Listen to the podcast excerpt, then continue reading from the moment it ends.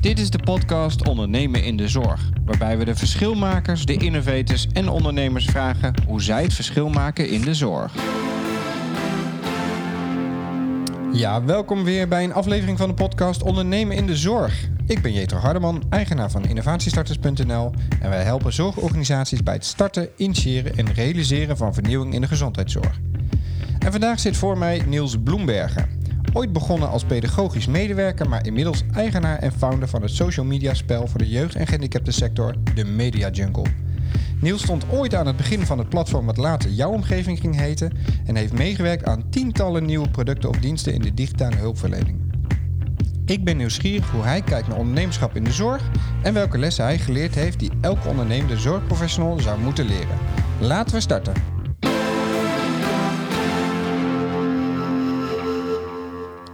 Ja, goedemorgen Niels. Goedemorgen, Jetro. Goedemorgen. Eh, In mijn eh, huidige stulpje, Ja. eh, de thuisstudio. Dankjewel dat je hier bent, helemaal vanuit Friesland. Yes. Of hoe noem je dat, Friesland? Ja, ja, zullen we het in het Fries doen of in het Nee, Nederlands? nee. nee, het mag hoor.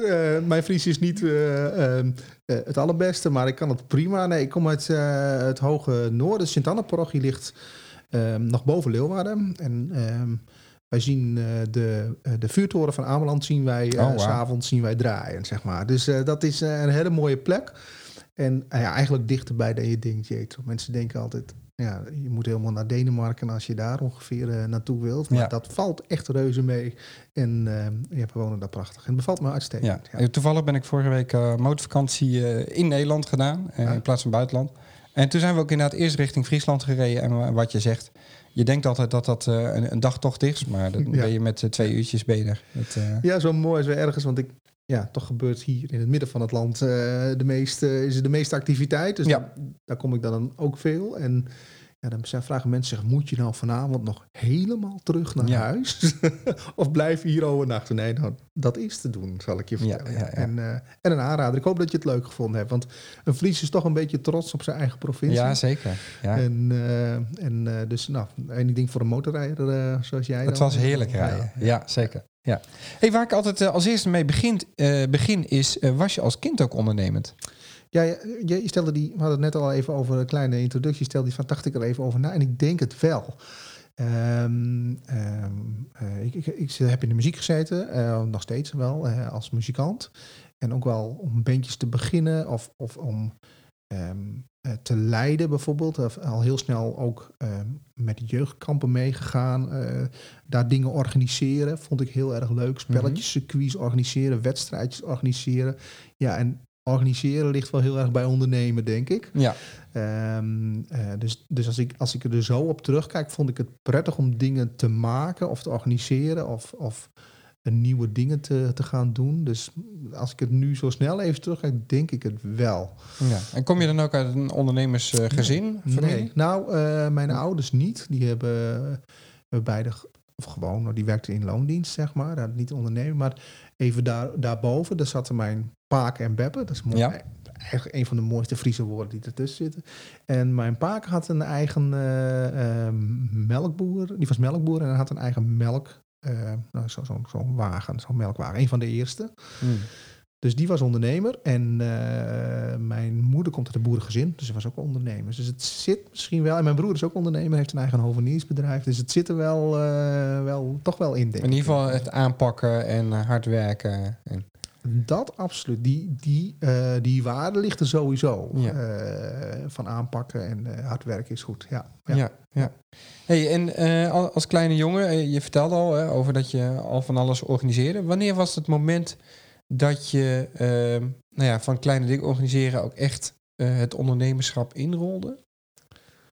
Of dat je voelde van hé, hey, er zit meer in? Ja, de- ik ben toch dan nog wel iemand die ehm, nou vrij standvastig is met wat hij heeft of zo. Hè? Dus de, de, en niet zo heel snel eh, een, een switcher is of zo. Dus ehm, tijdens mijn hele carrière in de zorg eh, toch wel heel lang trouw gebleven aan de organisatie. Meer dan, Ja. meer dan 13 jaar in de zorg gewerkt. En op een gegeven moment merk je toch wel dat je denkt van ja, als ik dingen nu echt wil veranderen en ik zie echt grote problemen die we aan moeten pakken. En ik, daar was ik zo intern voor gemotiveerd dat ik dacht van ja, en dat kan ik denk ik hier niet meer of zo. Ja. En, ehm, en, dan, en dan ook met de juiste snelheid of zo. Hè. Een zorgorganisatie, grote zorgorganisatie hebben voordelen. Hè, want je, je, hebt, je hebt invloed en je hebt een grote achterban. Maar om heel snel impact te maken en om dingen te ontwikkelen en te mogen proberen en te kunnen. Ja, dan toen had ik wel eens het idee dat moet ik toch ergens anders. eh, Is dat een soort ongeduld? ja, ik denk dat het echt ongeduld is. ja, ja, misschien ook wel. Ja, en op een gegeven moment, eh, ja, dan wordt dat ongeduld misschien wel iets van een frustratie. hè. En eh, nou, ik merkte dat met name als we dan dingen wilden veranderen. ehm, en logisch hoor, ik, ik ga ook niet zeggen, nou ja, deel, deels logisch. Dat daar vaak hele procedures aan vastzitten binnen Ja. zorginstellingen. hè. Dus je aanvragen doen. Van, dan komt er een commissie dat gaat beoordelen. Nou, vraag iemand om iets te beoordelen. Dan komt er altijd iets Ja. terug. Ja. Dan moet je dat weer aanpassen en dan moet je dat weer bij een andere werkgroep of een stuurgroep gaan leren. Ja, en dat, eh, dat hele systeem begon mij wel eh, wat eh, te frustreren. Want op een gegeven moment, als je iets, dat zul je ook herkennen, als je iets nieuws wil maken, zit je in een bepaalde flow of Ja, zo. ja. En ehm, als je Ja, dan in- voelt dat als een belemmering, ja. toch? Nou ja, en het, en het, risico, eh, het risico is dat, dat het helemaal doodslaat, zeg maar, hè, zo'n project. Als dat continu eh, eh, gemonitord wordt en er komt elke keer feedback van terug. En misschien kan ik er later ook wel eens iets over vertellen. En je vraagt mensen om feedback, dus er komt feedback en vaak is dat negatieve feedback. Mensen schrijven niet terug op één A4'tje, geweldig doen. Nee. Dus dat, en dan, dan kan zo'n project of zo'n idee kan wel doodslaan. En dan kun je bij jezelf ook wel eens gaan bedenken, ja, was het nou wel een goed idee? En, nou ja, laten we het ook maar niet doen. En, nou, ik denk dat zo heel veel goede ideeën stranden. Ja. Ja, En als we nog even teruggaan naar jouw tijd als pedagogisch medewerker. nou, Eh, mooie tijd. Schitterend. Ja, want eh, eh, dat heb je volgens mij bij Rijk eh, heb je heel lang gewerkt. Ja, heel lang. Ja. Ehm, wat was dan het eerste moment eh, waarbij je nou ja, een, project startte of merkte van hé, hey, ik krijg eh, de ruimte of ik pak de ruimte om iets nieuws te gaan doen? Ja, ik denk dat ik dat met, eh, met de jongeren altijd al wel heel, heel, heel veel deed. Ehm, ehm, en dat was bij Rijk was wat een kleinere organisatie, dus de- en een hele in- eh, innovatieve organisatie. Ehm, en het eerste toen wij daar, toen ik daar echt eh, ben, ben ingestapt ben, is dat wij het idee hadden ehm, binnen de organisatie dat we iets zouden moeten gaan doen. En zo vaag was het ook, zoals ik het nu zeg met eh, digitale zorg, met online hulpverlening. Daar zagen we wel heel veel kansen. En ik had toen toevallig ook een aantal jongeren die ik begeleide, waarvan ik zag ehm, ja, hoe belangrijk internet, want echt mobiele telefonie was het toen nog niet echt, op, niet op die manier, niet op smartphone niveau. Eh, maar wel hoe grote invloed dat had op hun leven en hoe, hoe leuk ze dat vonden en hoe belangrijk ze dat vonden. Dus gamen, maar ook MSN nog, dat soort dingen. Ja. Je kent het vast ook nog wel, Hives. En dat, dat ik van, ICQ. Ja, ICQ, ja. Ja. nou ja, dat is opa verteld. Eh, ik zag toen wel wat voor invloed dat had. En, en dan denk ik, ja, oh, dan moeten we er iets mee. Hè? Want eh, dat, dat, en, en het sprak aan. Dus ehm, toen is die bal gaan rollen. En toen zijn we inderdaad gaan ontwikkelen. Je noemt het in je intro al even. Eh toen zijn we gaan ontwikkelen met het platform van jouw omgeving. Dat is ook alweer tien jaar terug toen we daarmee gestart zijn. Ja, ja. Ja. En toen waren we echt een exoot. Hè? Toen keken mensen ons echt aan van internet en zorg. Mhm. Wat heeft dat nou met elkaar te maken? Nou, die fase zijn we nu wel voorbij. ja. Ja, en toen zagen we ook wel dat we, eh, toen we dat zijn gaan ontwikkelen, dat er echt heel veel kansen lagen. Dus ja, en, en, en daarop doorgerold ehm, ehm, eh, zag ik nog twee grote problemen tijdens mijn hele periode met de voeten in de klei, zeg maar. En eentje was daar, ja, dat internet is heel mooi en spannend en leuk, maar er zitten ook nadelen aan vast. En er zitten ook risico's aan vast. Hoe gaan we daarmee om? Ja. Dus daar is de Media Jungle uit voortgekomen. Ja. En de tweede is dat ik zag, en daar hadden we een mooi gesprek in ons intro ook over, dat ik zag dat heel veel cliënten die op een groep kwamen te wonen, of in een instelling, om wat voor reden dan ook, die konden niet meer thuis wonen, ja, te maken kregen met een overload aan regels. En dat werden dan heel vaak ook nog afspraken genoemd, maar het waren gewoon keiharde regels. Ja. Op heel veel eh, levensgebieden. En eh, daar ben ik, heb ik toen ook een initiatief voor ingediend. En dat is onderregel geworden. Dus ja, zo, het is een beetje vanuit eh, dat, dat, Maar dat eh, maar- gevoed vanuit jouw omgeving. Ja. Maar precies, want jouw omgeving, daar is het volgens mij ooit gestart. Ja. Ik wil nog even teruggaan naar dat moment. Want ehm, ik, ik herken, laat ik zo zeggen, ik herken het moment dat je werkzaam bent bij een zorgorganisatie en dat je voelt van hé, hey, maar eigenlijk ik heb allemaal nieuwe ideeën. Uh, en ik denk dat veel professionals uh, veel ideeën hebben. Ja. En toch zit er een verschil tussen die mensen die dan daadwerkelijk tot een realisatie komen en mensen die nou ja, verbitterd raken misschien wel, Ja. of dat idee willen laten varen. Of, dus ik ben benieuwd.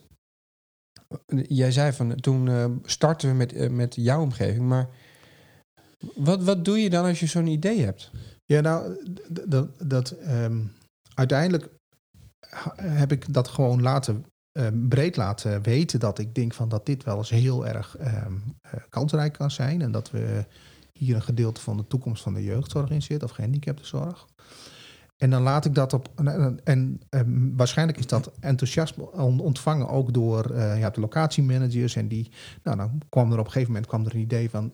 Dat er boven in de organisatie ook wel het, uh, het idee was van goh, online hulpverlening zagen we toch wel heel veel mogelijkheden in. En, en dan moet je ook een beetje geluk hebben, want dan heb mijn enthousiasme verhaal en mijn overtuiging dat dat er inderdaad wel eens heel belangrijk kon gaan worden. Ja, ja dat heeft elkaar gevonden. En toen in gesprek geraakt en zegt van ja, wij willen iets gaan ontwikkelen, wil je daarbij zijn? En dan, uh, maar ik ben er wel van overtuigd dat je, daar zelf, dat, je dat zelf wel kunt opzoeken. Hè? Dus uh, als je echt zo'n, over, zo'n idee hebt van ja, dit is, dit is een goed idee en dat kun je goed vertellen. ja, En uh, ja, dan op een gegeven moment dan moet je de juiste mensen gaan vinden. ja. Ja. Maar laat je, la, blijf niet rondlopen met een idee. Dus probeer, probeer dat wel ergens aan te kaarten. En Ja. desnoods stuur je een mail van ik heb een fantastisch idee jongens. Ik denk dat dit toch... Ja, ik vind dat je daar als zorginstelling altijd dan in ieder geval naar moet luisteren en naar Ja. moet gaan kijken. Dat is wel mooi wat je zegt, want dat herken ik zelf ook wel uit de praktijk. Dat ehm, mensen vroegen mij, ehm, in mijn tijd dat ik bij Aanpoort werkte, vroegen mensen mij wel eens van, goh, eh, hoe kan het nou dat jij eh, nu in een rol zit die eigenlijk nog niet bestond? Ja. Eh, want ik werk hier al zoveel jaar en ik werk nog steeds op dezelfde plek.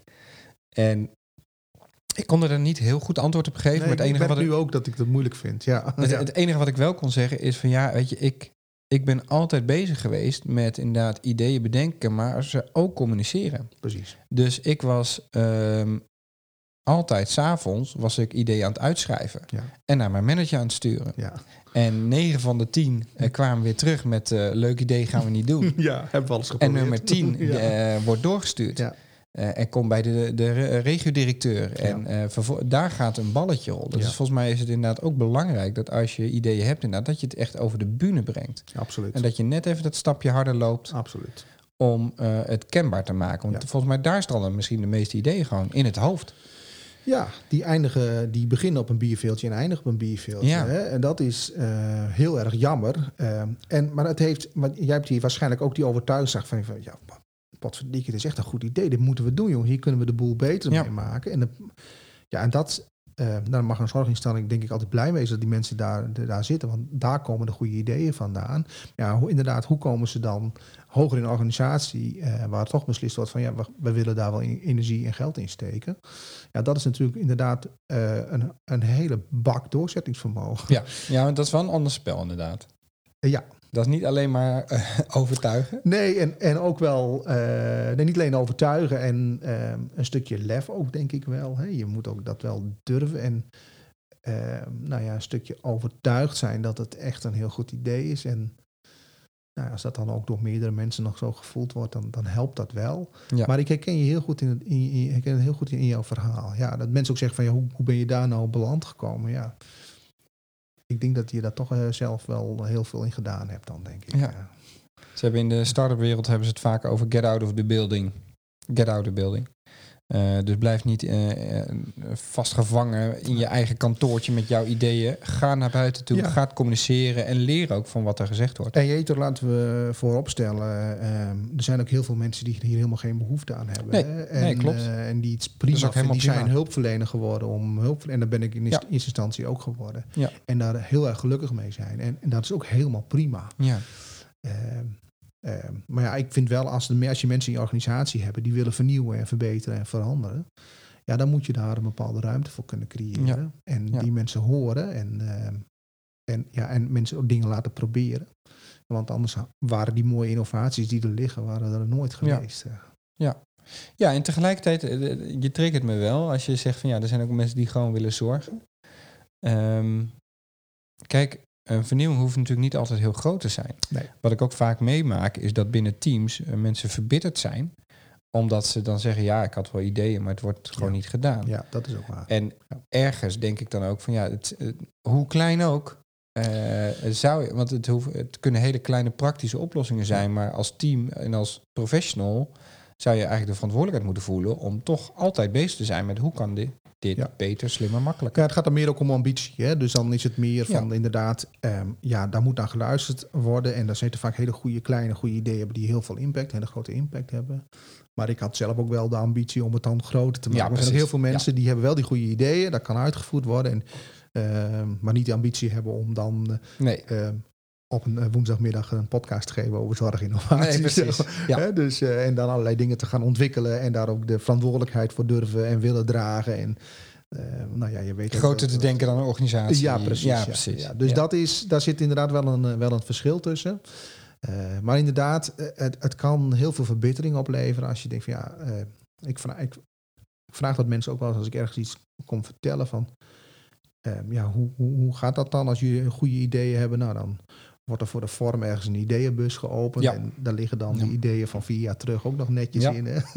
of je krijgt terug, of je hoort helemaal. Er zijn mensen die zeggen van ja, maar ik, heb, ik had zo'n goed idee, maar ik hoor niks meer terug. Hè? Hoor, hoor er gewoon niks meer van. Nee. Hè? Dat, dat, is, dat is.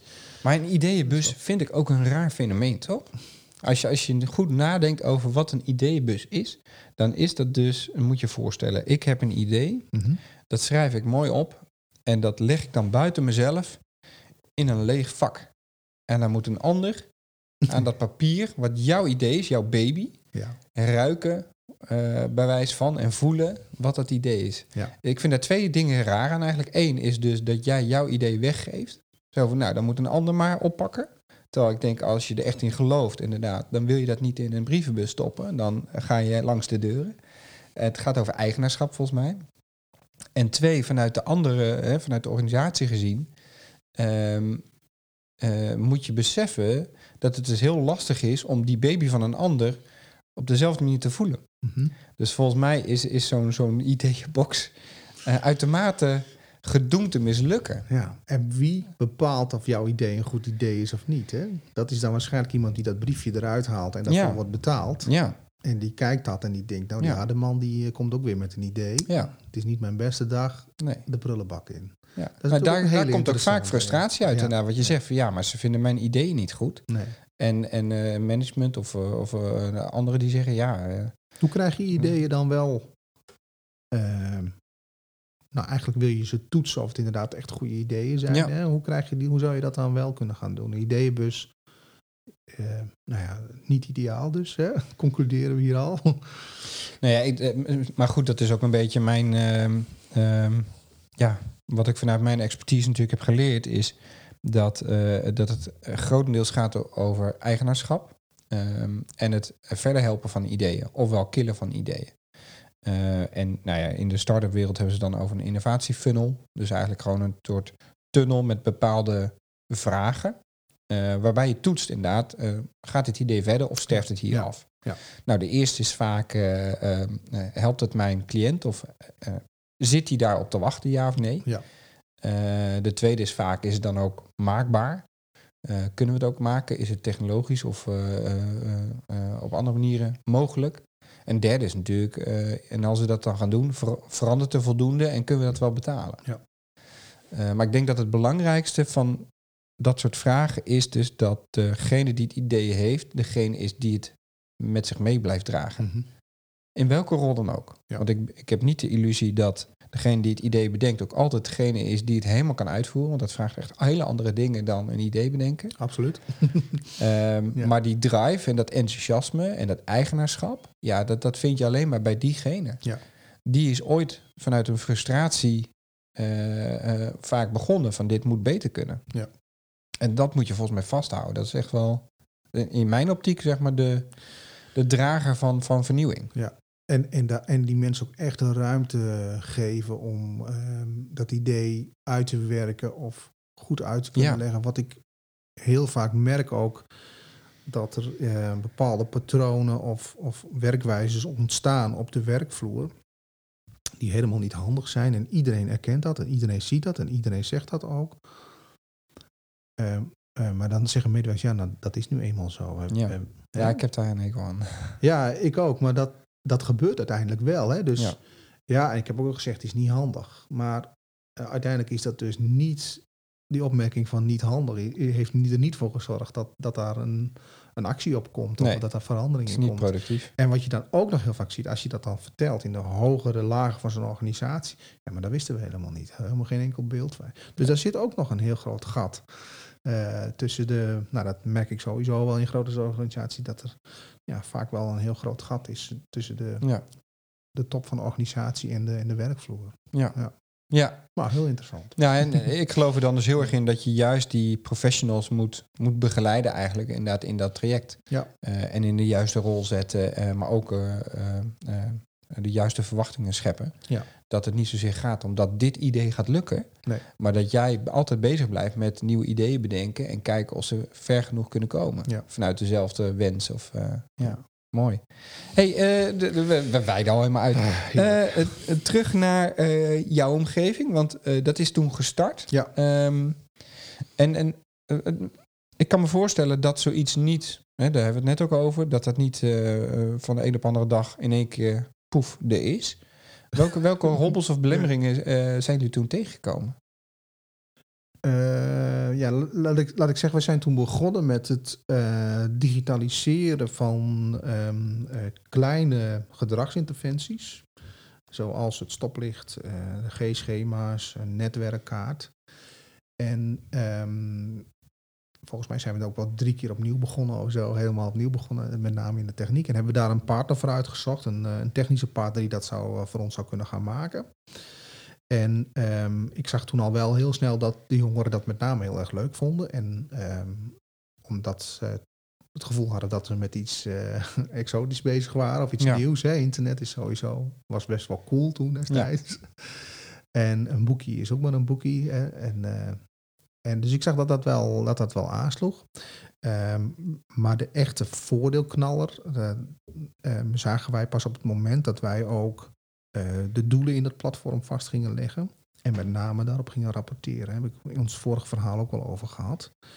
En dan zie je als het gaat over hobbels, dat het technisch gezien niet eens hogere wiskunde is wat we doen. Hè. Dat Nee. is natuurlijk niet dat we. Nou ja, ik, ik kan het niet, laat ik dat voorop stellen. Ja. dat ben ik niet. Maar dat is natuurlijk niet dat je zegt van goh, dat is eh, technologisch gezien echt een nieuwe eh, ei van Columbus.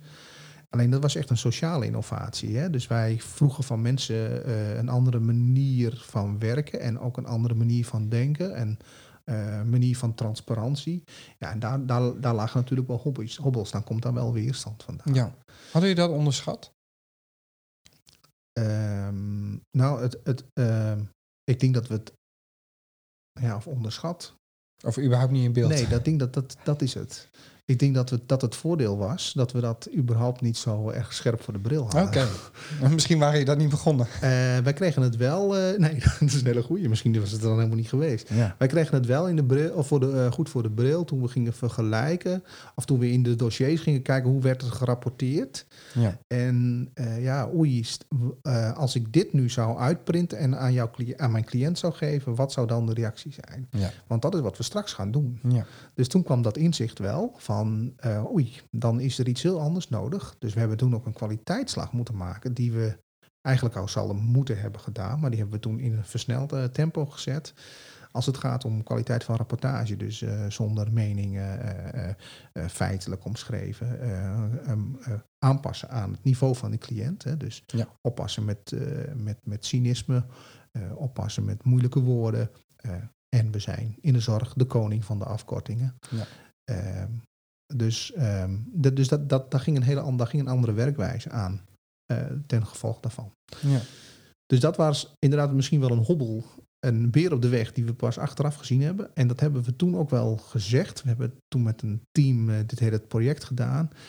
En eh, zo in zo'n tempo gegaan en ook het mandaat daarvoor gekregen binnen de organisatie. En nog heel erg blij mee om dit te gaan ontwikkelen. En met, met de wetenschap dat we af en toe achterom kijken. En oh, daar lag ook een beer op de weg.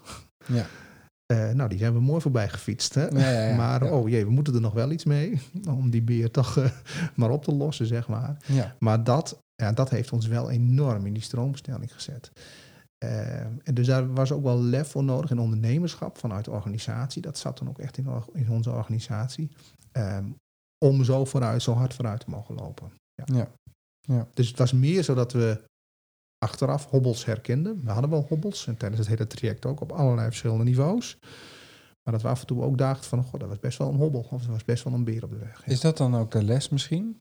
Dat je dus niet eh, heel veel van tevoren al moet nadenken welke hobbels er zijn, maar gewoon moet gaan.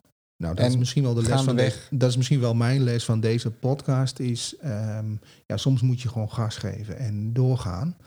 En als je alles wil dichttimmeren eh, van tevoren, ja, dan eh, verdwijnt de energie al heel snel uit zo'n project. Stel Ja. je voor, hè, we hebben wel, je hebt het ook met juridische dingen te maken, moet je allemaal goed regelen. En dat hebben we nu met de Medijungle natuurlijk ook Ja. hebben we, ja, toen we aan het ontwikkelen zijn, kwamen we erachter van, oh ja, we moeten wel, hè, we moeten algemene voorwaarden opstellen, mensen al gebruikersovereenkomst, wat doen Oh we ja. met de AVG-wetgeving, Eh, slaan wij gegevens op, Eh, waar zijn wij verantwoordelijk voor, waar zijn we aansprakelijk voor, Eh, hoe zit dat met verkoop, hoe zit dat met doorontwikkeling, eigenaarschap, juridische recht op zo'n, Ja. weet je, ehm, ehm, ja, op een gegeven moment, als je dat van tevoren allemaal wil dichttimmeren, ja, dan zuig je zo'n traject misschien wel leeg, denk ik. Ja. Maar misschien eh, daarop volgend inderdaad de Media Jungle, daar vertel je al een stukje over. Ehm, eh, hoe ben je op het idee gekomen om de Media Jungle te ontwikkelen? Eh, nou, wat ik je net ook zei, zag ik twee grote problemen. Eh, eentje was inderdaad dat over, overweldigend aantal aan regels. En ehm, eh, ja, weinig ruimte daardoor voor cliënten om te ontwikkelen. Of minder ruimte. En die andere zag ik wel, ehm, eh, ja, dat, dat, daar, g- daar groeiden we gewoon in. Hè? Die, dat, dat de opkomst van sociale media en de invloed daarvan.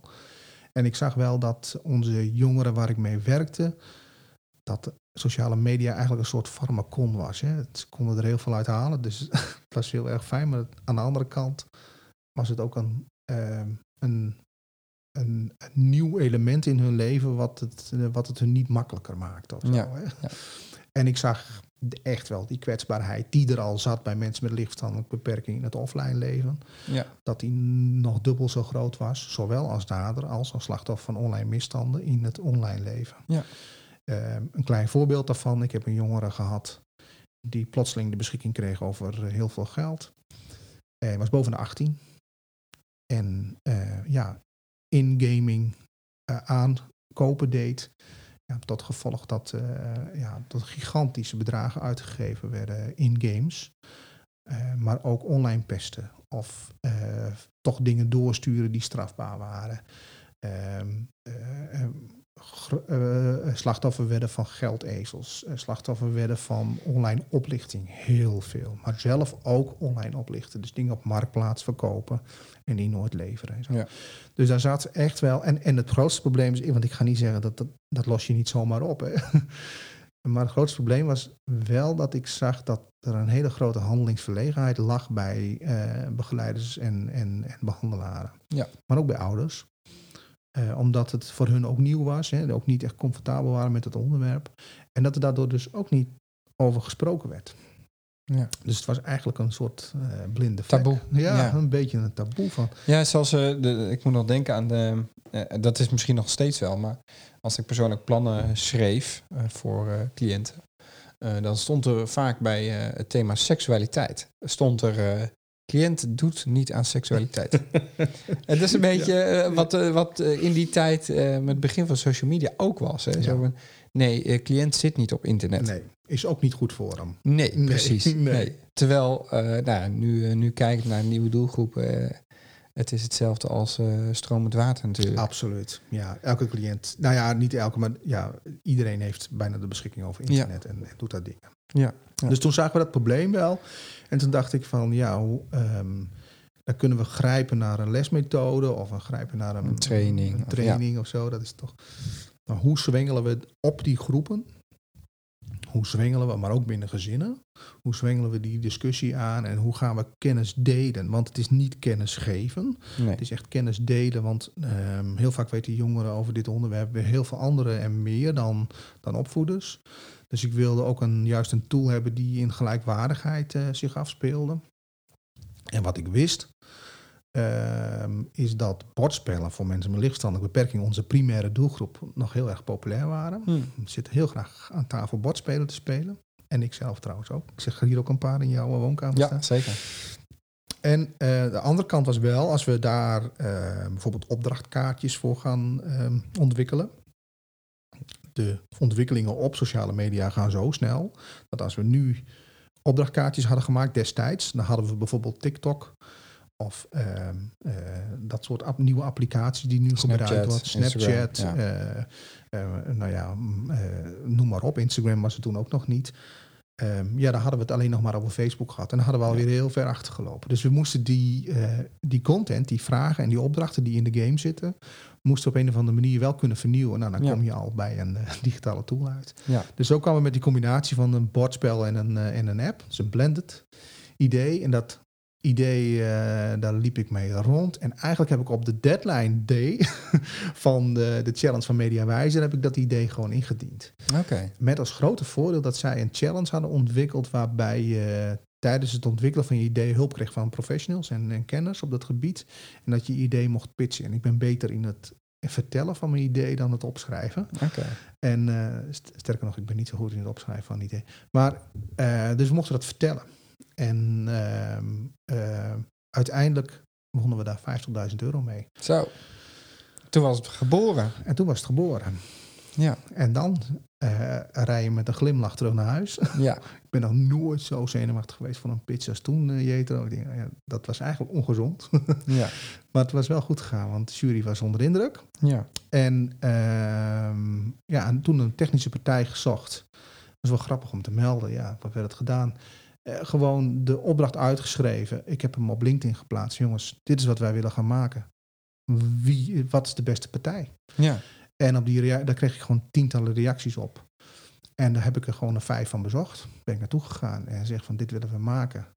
Hoe kijken jullie er tegenaan? En uiteindelijk eh, zijn we bij eh, een partij gekomen in Leeuwarden. Die zowel op technisch gebied, maar ook op vormgeving ja, hier ook ambities in had. Dus die Ja. Ook nog wel zelf iets had van we willen hier gewoon iets ultra tofs van maken. Ja. Dus niet alleen maar een saaie game, maar het moet wel echt gewoon vet worden. Ja. Nou, heel traject.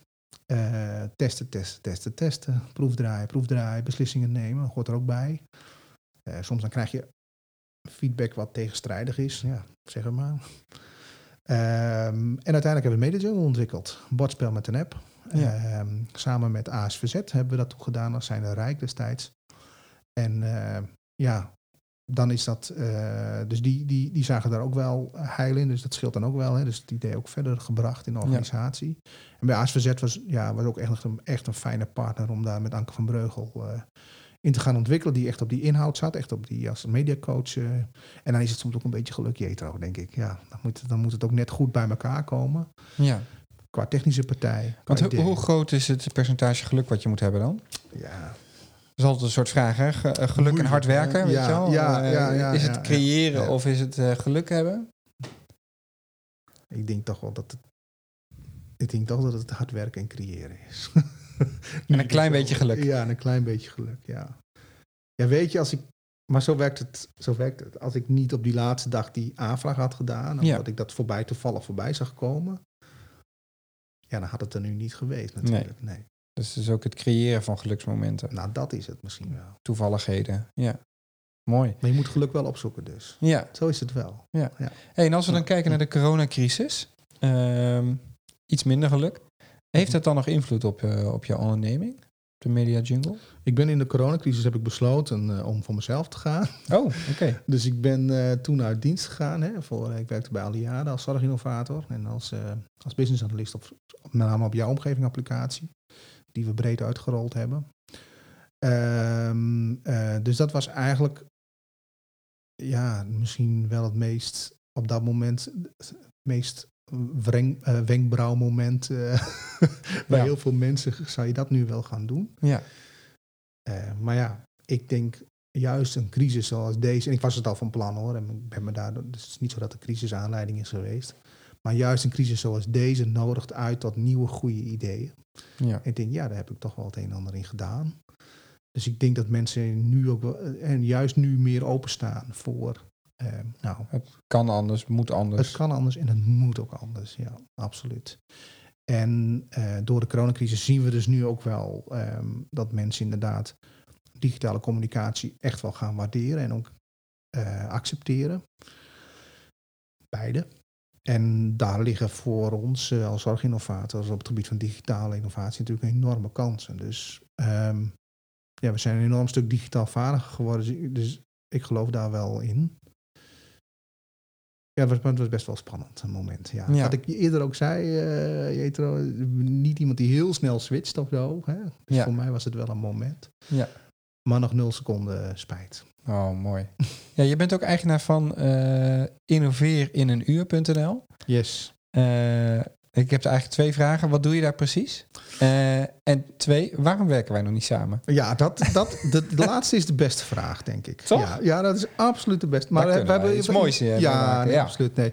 Ja, innoveren in een uur is eigenlijk het combineren van ehm, een idioot aantal factoren en, en een probleem. Eh, bijvoorbeeld, eh, en, en als team, als, als, eh, in een workshopvorm, ehm, ga jij een oplossing bedenken voor dat probleem.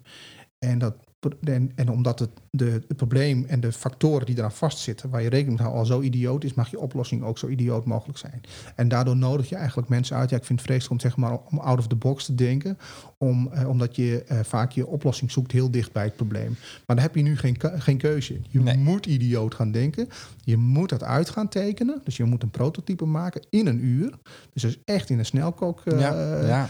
ja, sessie, zeg maar. En je moet het ook nog gaan presenteren. Dus je moet anderen ook nog... De, eigenlijk wat ik met Media Jungle vier jaar lang over gedaan heb... en met jouw omgeving tien jaar lang moet je binnen een uur gaan doen. Want je moet anderen ook nog overtuigen. Dus je Ja. moet... eh, en, heb, en je hebt een probleem. Je komt met een oplossing. Dus dat is jouw idee. En vervolgens zeg je van... eh, eh, Oké, dan maak ik een, een prototype. Ja. En vervolgens zeg je ook nog van... dan moet ik anderen overtuigen. Ja, en dan zie je mensen opstaan in zo'n team...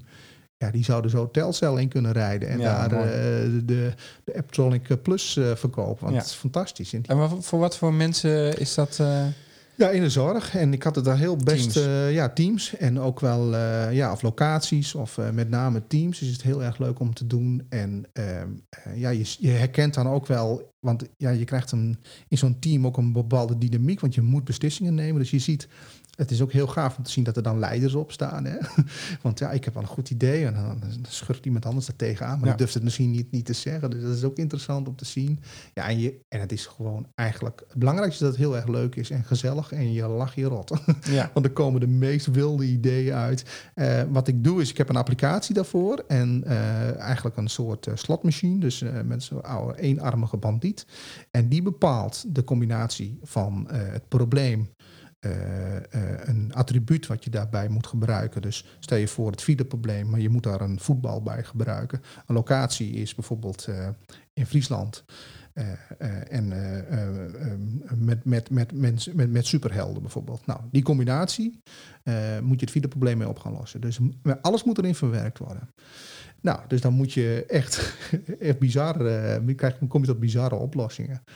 En eh, nou, dat is gewoon heel erg leuk om te doen. Ja. En dat vond ik wel heel gaaf, want ik heb het natuurlijk, natuurlijk meerdere keren gedaan. En we zouden dat samen, denk ik, ook heel goed, goed kunnen doen. Eh, nee, ik ja waar, mensen- waar ik een dag over doe, doe jij in een uur. Dus dat is wel... eh, ja, nou, het is. Kijk, je wil heel veel informatie geven, maar dat is juist niet de bedoeling tijdens zo'n sessie. Hè. Je wil mensen zelf ervaren. laten ervaren hoe het leuk het is om, om vernieuwend te denken. En, Ja. en, toch, en toch iets mee te geven van ja, ehm, eh, oh, als je probleem oplost, dan eh, zoek je vaak in de oplossingen die al een keer eh, gedaan zijn, of in de, in Ja. de trant daarvan. Ja. Maar soms zit de oplossing in een heel ander veld. En, Ja. ehm, en dat, dat, nodigt, dat nodigt dit uit. zeg maar. Anders kijken. Ja, anders kijken, ja. ja. Ja. En je wordt hier gedwongen om anders te kijken, want ja, je moet iets gebruiken waar je normaal gesproken nooit voor dat probleem zou oplossen. Een voetbal zal je nooit gebruiken Nee. om het fileprobleem op te lossen. Nee. Maar nu moet het, dus dan ga je denken van ja, nou ja, misschien moeten we dan elke dag als iemand uh, besluit, besluit thuis te blijven, dan krijgt hij een voetbal opgestuurd. En nou ja, dat, dat soort gekke ideeën krijg je dan. Maar ja. wel heel erg leuk, ja. Ja, en als we daar een beetje op doorgaan, hè, vind je dat er voldoende ondernemende mensen in de zorg werken? Wat vind jij? Ik denk het niet. Ik denk het ook niet. Nee. Nee. nee. nee. Um, en um, het is ook wel het lastige. Het lastige is um, op het moment dat zorg wordt. Uh, nou, ik denk, heeft natuurlijk de pharma heeft er natuurlijk ook een, een probleem mee. Hè? Op het moment dat zorg schuurt tegen ondernemerschap, ja, dan gaan mensen daar een beetje, um, mensen daar een beetje vies naar kijken. Ja. ja. En dat vind ik wel een heel groot probleem omdat ik denk dat juist door een stuk ondernemerschap de zorg beter gemaakt kan worden. Hè? En eh, als we niet hadden geïnnoveerd, dan hadden we nog in een ziekenhuisbed gelegen in de, uit de jaren 50. Hè? Was er nooit iets nieuws gekomen en gingen we weer onder narcose met een knuppel op ons hoofd. Ja. En als ik dat mensen op die manier vertel, dan snappen mensen wel hoe belangrijk het is dat je blijft vernieuwen en innoveren. Maar als je zegt het is ondernemerschap, ja, dan is het toch gelijk van ja, maar dat kan toch niet. Het gaat om zorg. Ja. Dus daar hebben we misschien wel een beetje met een imago-probleem te maken. Ja, ja waardoor je ook de verkeerde mensen aantrekt, toch? Ja. En misschien ook wel ehm, genoeg foute voorbeelden uit het verleden hebt. Waarbij ondernemerschap inderdaad niet goed uitgepakt is. Nee. Want er inderdaad te veel geld gegaan is naar projecten uh, waar het niet naartoe gaat moeten. Ja. ja. ja. En zijn zorgorganisaties dan voldoende in staat eigenlijk om ondernemende mensen dan te laten floreren? Nee, dat denk ik niet. Nee. En waarom niet, denk je? Nou, ik denk dat het ook wel te maken heeft met wat ik net ook zei. Hè. Het is toch een beetje, ja, uh, onze core business is zorg verlenen. Hè. Ja. En, uh, wij, en daar zit, ik, ik denk dat je een stuk ondernemerschap daar aan moet vastknopen. Uh, maar dat gebeurt heel vaak niet. Uh, dus het is ook wel een beetje die angst die er dan leeft, inderdaad, van uh, ja, maar dingen mogen niet misgaan. Hè. We kennen natuurlijk het grote verhaal van de ICT-projecten die elke keer ja. uh, klappen, zeg maar. Ja, en dan is er toch zorggeld wat daar dan aan besteed is. Hè. Dus daar ligt wel een beetje een angst, zeg maar. want onze core business is zorgverlenen. Maar ik vind het met name, en ik hoop dat ze luisteren, de grote zorginstellingen een enorme grote verantwoordelijkheid hebben om te vernieuwen. Uh, als er ergens plek is om dat te doen en er is budgetten en er, is, uh, er zijn er mensen voor, dan zijn het met name de grote zorginstellingen. Uh, dus het is niet alleen zo dat het zou moeten mogen, maar het zou eigenlijk moeten. Je zou ja, eigenlijk een soort ja, ondernemersklas of. Absoluut, ja, absoluut. Ja. En, en is, is het dan, want dat, dat is ook wel een vraag die, mij, die ik zelf al langer heb, inderdaad. Van, um, kan je de, de huidige medewerkers trainen om ondernemender na te denken? Uh, of heb je een ander type zorgmedewerker nodig in de toekomst? Ander curriculum, ja. waar dat meer in zit. Ja. Je ziet het al een beetje als het gaat om e-health. Zie je al een soort uh, duo-curricula uh, ontstaan. Ja. Waar de combinatie wordt, uh, wordt gezocht. Um, ja, en hoeveel advertenties zien we staan uh, als zorgmedewerker waarbij staat dat je affiniteit hebt met e-help bijvoorbeeld. We hebben daar toen wel over nagedacht toen we echt in die modus zaten van ja jongens, uh, uh, wij gaan iets anders vragen van onze zorgverleners. Dus inderdaad qua curriculum ehm, zullen wij ook als in ons, in ons programma op moeten stellen en ook zelfs in onze vacatures moeten zetten van je hebt affiniteit met online hulpverlening of affiniteit ja. met vernieuwing of digitale middelen bijvoorbeeld. Ja.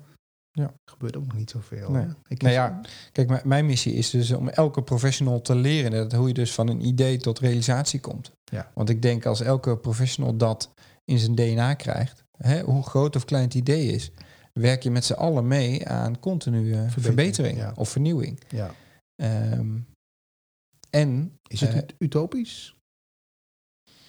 Nou, nee, ik denk dat, maar ik denk wel dat het iets is wat in de juiste tijd moet plaatsvinden. Dus ik denk dat de tijd er nu rijp voor wordt. Uh, en dat je ook merkt dat nieuwe generaties er al meer opgevoed zijn met het feit dat ze uh, zelf ZZP'er worden, zijn, uh, al een keer een ondernemertje gehad hebben, daarnaast een webshopje. En vanuit die bril de zorg ingaan. Ja. En kijken, hé, hey, maar dit kan toch gewoon anders? Ja. ja, dat hebben we heel hard nodig. Ja. ja. Ja. ja. Nou, dat is een mooie missie. eh. Ja, ja. ja. Ja. hey, ik heb je ook gevraagd om een eh, persoonlijkheidstest eh, af Oei, te ja, nu nemen. komt het gevaarlijke gedeelte. ja, hè? precies. Nou komt het. Nou komt het. Uit de test komt naar voren dat je erg fantasierijk bent en Ja. vooral de voorkeur hebt voor conceptuele oplossingen. Hoe helpt het jou in je ondernemerschap? Ehm, oeh, als ondernemer zelf. Ja, Ehm, ja, die fantasie helpt me natuurlijk wel om, ehm, om eh, elke keer nieuwe oplossingen te bedenken. Ook als hobbel, als ondernemer, als ondernemer zeg maar. En ehm, creatief, ik denk dat het heel belangrijk is dat je blijft laten zien wat je doet ook. Hè? Dus, ehm, en daar zijn nieuwe media natuurlijk een prachtig eh, vehikel voor. En, en dat helpt mij in mijn ondernemerschap of in, ja, om die zichtbaarheid echt goed te hebben. Ehm, ehm, ja, en die, in, die- ja, in mijn producten hoop ik dat dat, dat, dat, dat zijn eigenlijk de, de uiteindelijke ehm, eh, voorbeelden van een stukje creativiteit natuurlijk, wat je dan hebt. Maar in mijn ondernemerschap ja, vind ik het best wel een lastige vraag. Maar ik denk dat ik wel continu op zoek ga naar eh, waar liggen kansen. Dus een stukje creativiteit in. En ja, waar liggen mogelijkheden en hoe kan ik nieuwe ideeën die ik heb, hoe kan ik die omzetten? We hadden het net ook al eventjes over. Naar iets wat ten eerste impact maakt, maar vervolgens hoe kan ik er ook, en dat is, nou, daar gaan mensen ook van, van rimpelen. Hoe kan ik er ook een model achter zetten als ik er zelf nog wat aan over wil houden? Ja. Want ja, Ja. bij mij moet de schoorsteen ook roken. ja. En ja, dat dat, is altijd wel- een beetje een vies, vies onderwerp. Ja, dat is een vies. En, maar daar moeten we toch echt wel, een, wel van af. Ja, En ik weet ook niet hoe we, aan dat, hoe we daar van dat imago afkomen. Eh, want toch, ja, je- dat is toch leuk en dat is toch voor, voor het goede, zeg maar. Ja. En dat, ik kom ook op voor het goede. En ik hoef daar echt niet voor in een, eh, een, eh, een Tesla te rijden of iets dergelijks. Maar ik wil gewoon daar gewoon ook een boterham Ja. aan verdienen. En mijn gezin van kunnen onderhouden. ik heb in een eerdere aflevering heb ik het daar ook over gehad. ehm, dat winst maken voor mij eigenlijk ook een soort van gelijk staat aan duurzaamheid. En als we kijken waar het meeste geld misschien aan verloren gaat, is dat inderdaad aan mooie ideeën waar nooit na- goed nagedacht is over een verdienmodel. Ja. Eh, over dat er winst wordt gemaakt, zodat je ook over een jaar nog steeds eh, eh, kunt updaten. ja, precies. Ja. Ehm, maar dat is, nog, dat is denk ik ook weer dat imago-probleem. Ja. Dat mensen denken, oh, winst maken, dus eh, meneer wil in een Tesla rijden. Terwijl Ja. het vaker... en- Maar dan goed, dan, dan heeft het ook te maken met welke inborst je hebt. Ja. Volgens mij was het Bernard Leenstra, ehm, huisarts in opleiding. Die zei ik van, joh, als je vanuit de juiste inborst, dus de zorginborst, gaat nadenken hoe je het verdienmodel kan maken, Ja. zul je altijd uitkomen op iets wat wel duurzaam is. Ja.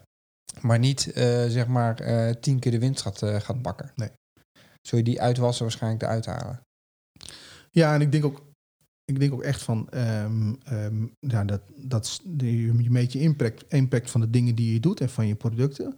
En ehm, ja, ik hoop dat mensen dan ook gaan zien van, ja, maar dit heeft zo'n, net als een, eh, een training of, eh, of, of een, of een eh, opleiding, nou, dit heeft, draagt zo erg bij aan de kwaliteit van leven van cliënten en aan betere zorg en betere hulp. Ja, daar mag daar ook iets tegenover staan. Net als Tuurlijk, eh, jij eh, al hulpverlener, als hulpverlener wordt betaald. Ja, Als jij gedragswetenschapper bent, krijg je ook gewoon goed betaald hè, Ja. voor de dingen die je doet. Want je zorgt ervoor. Maar daar hebben we vaak heel veel minder moeite mee. Hè? Dat, Ja. dat daar een, een behoorlijk uurtarief tegenover staat. Maar Ja, dat, dat wat je verdient. Maar als wij met onze producten komen en ik zeg, ja, Medijungle kost 100 euro. Zo, ja. dat is een beste prijs. Ja, maar moet Ja. je kijken wat erachter zit. Zitten mensen achter. We hebben een mediacoach die daar, eh, twee mediacoaches die daar continu mee bezig zijn. We hebben een applicatie in de lucht. eh, de hele organisatie van zoiets. Hè? Dus, en, eh, maar dan zeg je, ja, maar dat is voor de zorg, voor de goede wil en zo. hè. Mhm. Eh, dat schurkt met elkaar. En, en ehm, waar ik dan aan moet denken is, vertellen we dan wel het juiste verhaal? ja, dat vind ik een hele goede. dus moeten wij, nou wij, als je zo'n product dan aanbiedt, moet je dan het verhaal vertellen vanuit het perspectief van de zorgmedewerker. Dus veel meer eh, vertellen welke vervanging het geeft. Ja. Want inderdaad, als je zegt het is een product kost 100 euro, denk ik ook, oeh, dat is veel. Ja, Terwijl als je uitlegt van hé, hey, maar eh, het, op deze elementen neemt het iets over en dat kost normaal zoveel Exact. uren van Ja. een zorgmedewerker. ja. En dit kost, dan heb je al een ander verhaal te Ja, vertellen. en ik vind dat ook altijd wel eh, met, ehm, ehm, eh, met platformen. Hè, zeggen ze, ik denk dat jouw omgeving daar ook wel- eh tegen aanlopen. Zegt van nou, één licentie kost sowieso veel per maand. Hè? Ja. En dan zegt nou, dan gaan mensen rekenen. Ik heb zoveel cliënten en dan ja, kost me dat dat zo een en hoop zoveel. geld. Ja. Ja, dat is ehm, ehm, misschien niet eens een kwart FTE of zoiets dergelijks. Nee, hè? En precies. terwijl, wat kun je met dat platform bereiken? Hè? En hetzelfde geldt ook om zo'n platform of dit soort tools bijvoorbeeld ehm, preventief in te zetten. Hè? Een, een, eh, een plaatsing van een kind op een behandelgroep of binnen een jeugdzorginstelling. nou, ik kan je vertellen dat dat gaat om tienduizenden euro's Ja. per jaar. Hè? Ja, hoe kunnen we, eh, ook al zouden we met dit soort tools die we aan het ontwikkelen zijn, hè, nieuwe oplossingen, al zouden we maar twee of drie kinderen, eh, zeg maar, ehm, voorkomen eh, met, met, met preventieve maatregelen, Ja. dat iemand zover komt, zeg maar, dan, dan is die plaatsing er alweer uit. En laten we wel zijn, het blijft allemaal publiek geld. Ja. Hè? Dus, maar we zitten inderdaad wel met een imagoprobleem als het daarom gaat. Eh, dat het al heel snel de wenkbrauwen gaan fronsen van ja, eh, maar eh, dat kost 100 euro. Hè? ja. Dus dat is. Waarbij het dus heel belangrijk is om, om de juiste verhouding en perspectief dus eigenlijk te vertellen. Ja. Het, de, het businessmodel, maar ook inderdaad dus van, goh, wat kost het je nu eigenlijk? Ja, en, en misschien ook wel heel transparant zijn over. En dan als ik, als ik, het, mensen, als ik het mensen uitleg, ik zeg van ja. Ehm, het kost 100 euro, eh, ehm, maar als ik een eh, eh, levensweg koop of ik koop Stratego, dan kost misschien dat eh 20 euro. Ja, maar we hebben een hele beperkte doelgroep. Ja, Hè? En, ja. en we hebben een hele kleine oplage. We hebben Ja. 600 van die spellen. Ja. En ja, dat is niet met elkaar te vergelijken. Maar mensen Nee. zijn dat wel gewend. En ik denk dat software daar ook een probleem mee heeft. Hè, als je gaat kijken van wat het kost om de ontwikkeling van, van zo'n programma als jouw omgeving te gaan ontwikkelen. Ten eerste tien jaar lang tijd met zoveel mensen daaraan Ja. gewerkt. Ja, mensen zijn gewend dat dat soort dingen gratis uit de App Store te downloaden Ja, zijn. ja, Ondertussen geef je je hele leven en al je privacy weg. Alleen en als je dan zegt van ja, ik heb nu een IHAD-applicatie en die kost 9,95 per maand. Bijvoorbeeld een beeldbel-applicatie. Ja. Ja. ja, maar dat kan ik ook via WhatsApp doen. Dat is allemaal gratis. Ja. Ja, dat is erg lastig Ja. om dat goed uit te leggen. En ik heb daar ook nu niet de oplossing voor. Of de, eh, maar dat is... Ja. Dan zeggen mensen, ja, hoe kan dat dan? Hè? Eh, en dat is ook wel weer een begrijpelijke vraag. Nou ja, goed. Ja. Hey, eh, de- eh, wat ook heel erg naar voren komt, is dat je houdt van flexibiliteit en niet heel erg van nauwkeurigheid. Nee. Ehm, maar wie heb je of wat doe je om georganiseerd te blijven? Ja, daar zoek ik de mensen voor uit die die kwaliteiten wel hebben. Dus wat ik eh, in mijn team heb van Media Jungle, eh, ik ben degene die heel hard die eh, berg oploopt en eh, die beer achter zich ziet.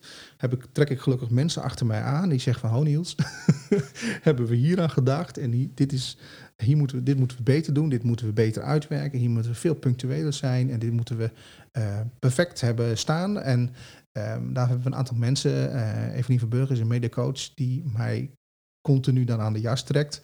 Eh, van dit, moet, dit moeten we toch anders gaan doen of dit moeten we Ja. beter weg gaan zetten. Mooi. Dit, ja, dat is, en, en we kunnen het van elkaar ook waarderen en we spreken dat ook uit bij elkaar. En Ja. hetzelfde geldt wel voor Anke van Breugel, die weer hele andere kwaliteit heeft. Dan hebben we mensen van de techniek die op hun. eh, eh, en ik vind dat wel een mooie les die ik wel geleerd heb.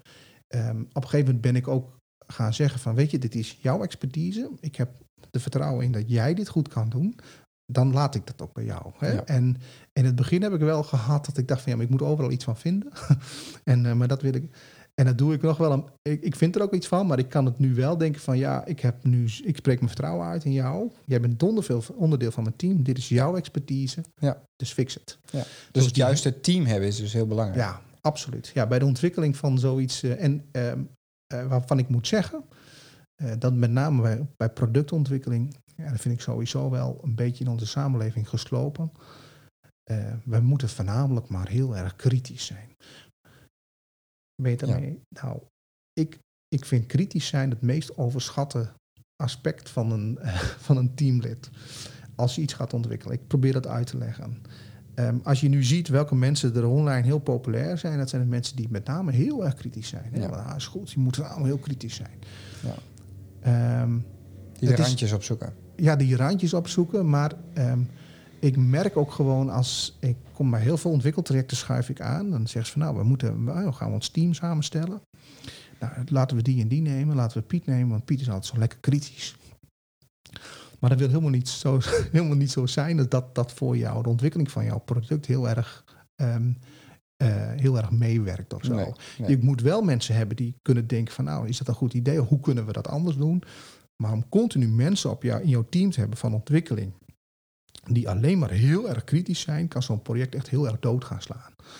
En ik vind juist als je met je product naar ehm, de uiteindelijke eindgebruiker gaat, daar wil ik hele kritische mensen hebben. Ja. En, die, en vervolgens komen die met de feedback en de kritiek. En dan zeggen we binnen ons team van jongens, dit is wat we terugkrijgen. Hoe gaan we dit oplossen? Hè? Hoe Ja. gaan we dit dan fixen? Ja. Dus ehm, ja, pas een beetje op met. ehm, je, je, hebt, je hebt mensen wel nodig die eh, kritisch durven te kijken. Ehm, maar je kunt daar ook behoorlijk in doorslaan. Als je alleen maar kritische mensen in je team hebt, dan, dan, ehm, dan helpt dat niet in de ontwikkeling. Want je wilt Nee. ook een bepaald tempo gaan maken, zeg maar. En, je, en het kan ook zo'n ontwikkeling echt dood gaan slaan. Eh, dus ik ben daar wel een beetje eh, terughoudend in geweest. En, maar ook voor mensen die zelf in zo'n team zitten. Als jij een goed idee hebt en er zitten vier mensen om je heen met impact en met status. En die zeggen van ja, maar Jeto, dat is echt geen goed idee, want dit en dit en dit en dit en dit. Dan denk je op een gegeven moment ook van nou, weet je. Terwijl misschien als je vier andere mensen aan tafel had gehad, die zeggen van ja, nou ik zie wel wat dingen waar we moeten rekening mee houden, maar we kunnen dan dit en we kunnen dan dit en we kunnen dan dit. Ja, dan krijg je een hele andere flow in zo'n team of zo. Ja. En ik zoek juist de mensen die eh, dat hebben.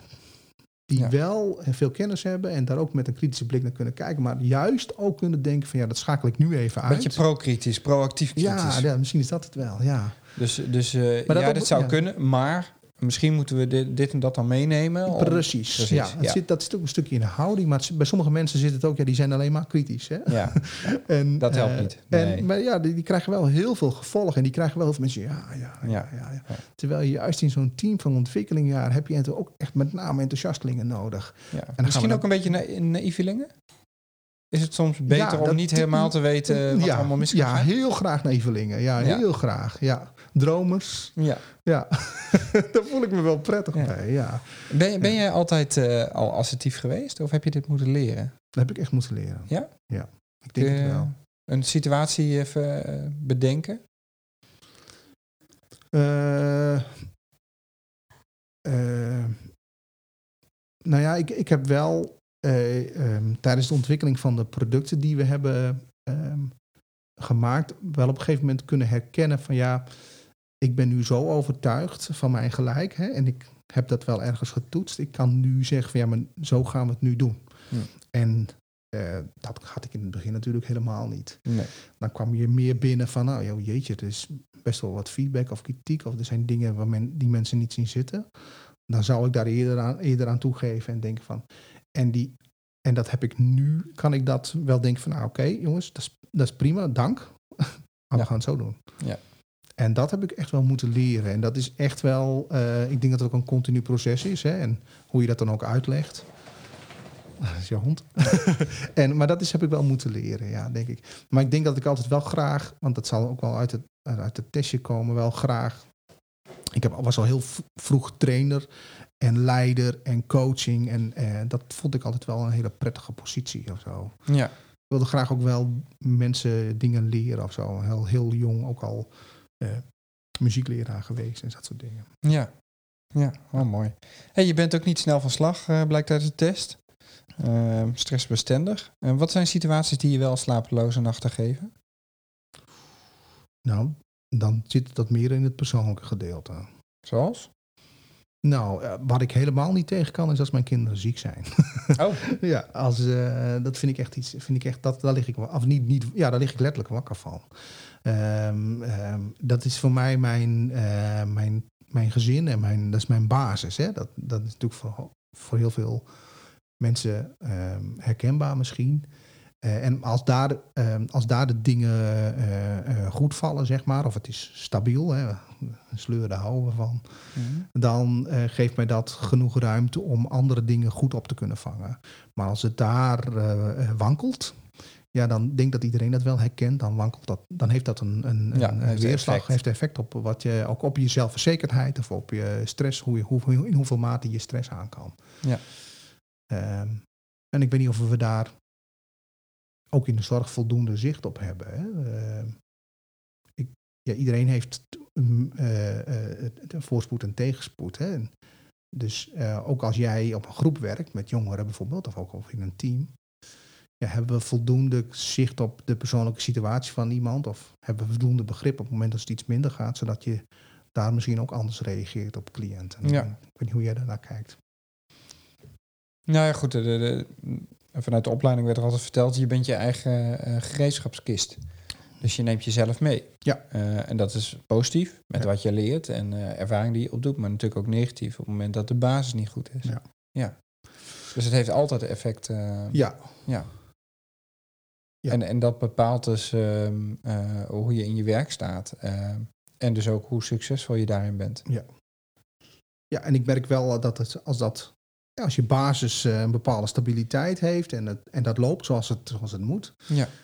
eh, ja, dan, dan helpt dat wel enorm eh, om ook andere klappen te kunnen opvangen, zeg maar. Ja.